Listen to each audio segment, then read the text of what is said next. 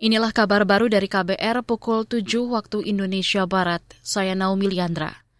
Menteri Perhubungan Budi Karya Sumadi mengimbau kepada masyarakat untuk menghindari mudik menggunakan kendaraan bermotor roda 2. Himbauan ini diberikan untuk menekan angka kecelakaan selama mudik.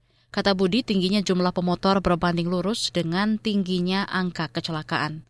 Menhub memprediksi jumlah pemudik pada lebaran tahun ini mencapai 123 juta orang. Jumlah ini meningkat drastis dibanding tahun lalu yang mencapai 85 juta pemudik.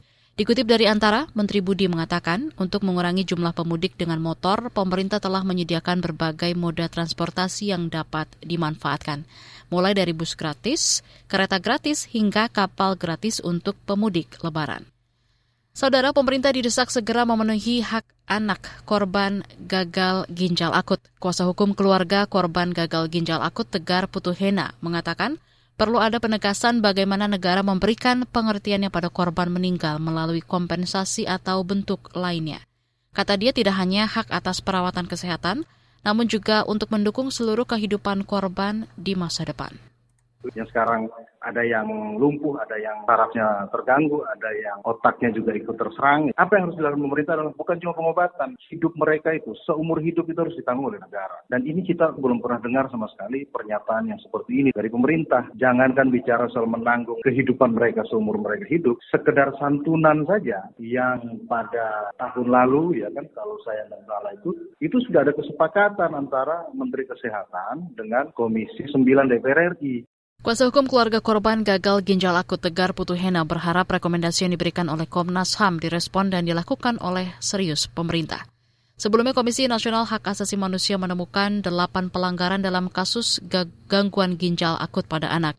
Komnas HAM merekomendasikan pemerintah untuk menjamin penanganan dan juga pemulihan korban secara komprehensif.